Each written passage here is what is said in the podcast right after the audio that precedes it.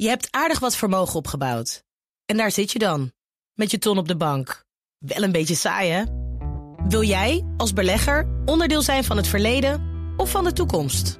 Bridgefund is een slimme fintech die een brug slaat tussen de financiële behoeften van ondernemers en van beleggers.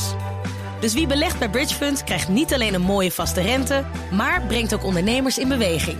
Echt waar, met die ton kan je zoveel betere dingen doen. Bridgefund. Make money smile. Postma in Amerika. Tijd voor het Amerikaanse nieuws door de ogen van onze correspondent in Washington, Jan Postma. Jan, is de day after van die Poetin-Biden-top. Hoe zijn de recensies? Nou, ik zie uh, enthousiasme bij de meeste Democraten en ook op uh, CNN. Die namen eigenlijk de talking points van Biden uh, tijdens die persconferentie grotendeels over. Het is goed dat er gepraat wordt, goed dat we een president hebben die tegen Poetin opstaat. goed duidelijk gemaakt ook dat er consequenties zijn als Navalny bijvoorbeeld iets zou overkomen of als er nieuwe cyberaanvallen zouden komen. Allemaal prima.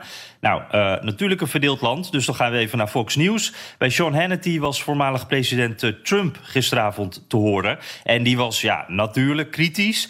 Uh, en die zei door die sancties op Nord Stream 2 op te heffen, die gasleiding van, van Rusland naar Duitsland, gaf Biden eigenlijk een cadeau aan Poetin en hij kreeg er niets voor terug. En, en nee. daar waren veel van de talking heads op Fox het uh, mee eens. Ook voordat Trump het al zei trouwens. Het was echt iets wat meteen gezegd werd. En zij vragen zich dan ook af: ja, wat levert dit in de toekomst nog op? Waar die Democraten heel optimistisch zijn over de toekomst, uh, zeggen die Republikeinen. En de Fox talking heads: ja, Poetin is niet te vertrouwen, dus wat moeten we ermee? En Lindsey Graham, bekende senator natuurlijk, die noemde Biden eigenlijk in niet zoveel woorden naïef. Omdat uh, hij had gezegd dat. Uh, um, het aanzien van Rusland en Poetin geschaad zou worden bij uh, nieuwe cyberaanvallen. of als er wat met Navalny zou gebeuren. En ja, daar zeggen ze van op Fox News. En daar zegt Graham ook van. dat kan Poetin helemaal niks schelen. Nee. Uh, het was onvermijdelijk, Jan. Uh, de top werd vergeleken met die van drie jaar geleden in Helsinki tussen Trump en uh, Poetin. meneer Rosenthal had het er net ook alweer over. Um, de top. Ehm, die top had het team van Biden ook bij de voorbereidingen dit in het hoofd, wat zich daar in Helsinki heeft afgespeeld. Ja, precies. En, en, en Biden en zijn team die, die hebben daarom ook heel lang gestudeerd op deze top. Dus echt minutieus voorbereid wat Biden wanneer zou zeggen. Er waren allerlei Rusland-experts bij. Uh, zij wisten natuurlijk al een afspraak met Poetin moet je niet onderschatten. Maar door die top in Helsinki, waar, waar Trump zich doorheen freewheelde... Uh, werd dat nog eens extra duidelijk. Hè. Dat, dat was toen Trump de, de, de kant van Poetin koos... in plaats van zijn eigen inlichtingendiensten... toen het over inmenging in de uh, verkiezingen ging. Nou, dat was nou een moment dat democraten vonden... dat Trump te veel En, nog veel erger. Uh, Fiona Hill, die wil ik er even uitpakken. Die adviseerde Trump als Rusland-expert. Uh, getuigde ook later in zijn impeachment. En zij hielp nu ook Bidens team. En zij heeft in een interview eens gezegd over die persconferentie in Helsinki. Ik dacht, hoe moet ik dit stoppen? Dit is vreselijk. Ik doe alsof ik onwel word. En ik werp mezelf met een ijzige schreeuw in het persvak. nou, ze zat bij CNN en toen werd ze daar nog een keer naar gevraagd. Was dat nou echt zo erg? I did seriously think about it. I first of all, you know, looked around to see if there was um, a fire alarm, but you know, we were in a um, you know a rather grand building attached to the presidential palace of uh, the Finnish president, who had lent it to us for the occasion, and I couldn't see anything that resembled a fire alarm. Ja, ik moest er wel even op lachen. Ik zocht naar het brandalarm. En zij vergeleek zichzelf met Dr. Burks, uh, Burks tijdens uh, die corona-persconferentie, weet je nog wel, over hydroxychloroquine. Nou, ja. En uh, ja, toen had, trok ze dat gezicht. ze, ze noemde het een vreselijk moment voor het land. En, en ja, dit nooit meer.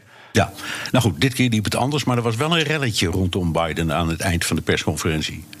Ja, dat viel me wel echt even op hoor. Want dat was echt een beide momentje, zoals we het hier wel vaker hebben besproken. Die, die persconferentie zat erop. Biden liep al weg toen er natuurlijk nog wat vragen werden geschreeuwd. En Caitlin Collins van CNN vroeg: waarom bent u zo vol vertrouwen dat Biden zijn gedrag zal veranderen? En toen, ja, hij was al half van het podium af, toen draaide hij zich om. Hij wees met zijn vinger naar Collins. En Biden zei: Ik heb niet gezegd dat hij zijn gedrag zou veranderen. What the hell? Wat doe je eigenlijk? Wanneer heb ik dat gezegd? En Biden was er echt boos, chagrijnig. Uh, later ook zijn excuus excuses vooraan. Had ik niet moeten doen, zei hij. Maar ik vond het wel typerend, want dit hebben we vaker gezien bij Biden. Dat hij uit zijn uh, slof schiet uh, bij lastige vragen. En ik vond het ook wel een beetje een blunder. Want voor hem, uh, voor hem had net Poetin een uur lang vragen beantwoord. Ook heel vervelende vragen. en hij gaf daarop natuurlijk Poetin antwoorden. Maar hij gaf wel antwoorden. En Biden werd dus na twintig minuten chagrijnig. En, en ja, dat is nou juist zo'n beeld wat na, na al die uren van televisie heel veel herhaald werd. Die paar minuten. Dus ja, ja, ik heb het ook gezien voortdurend.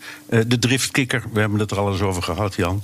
Dankjewel, ja. Jan Postma, correspondent in Washington. Wilt u meer horen over het fascinerende land? Luister dan naar de Amerika-podcast van Jan en mij.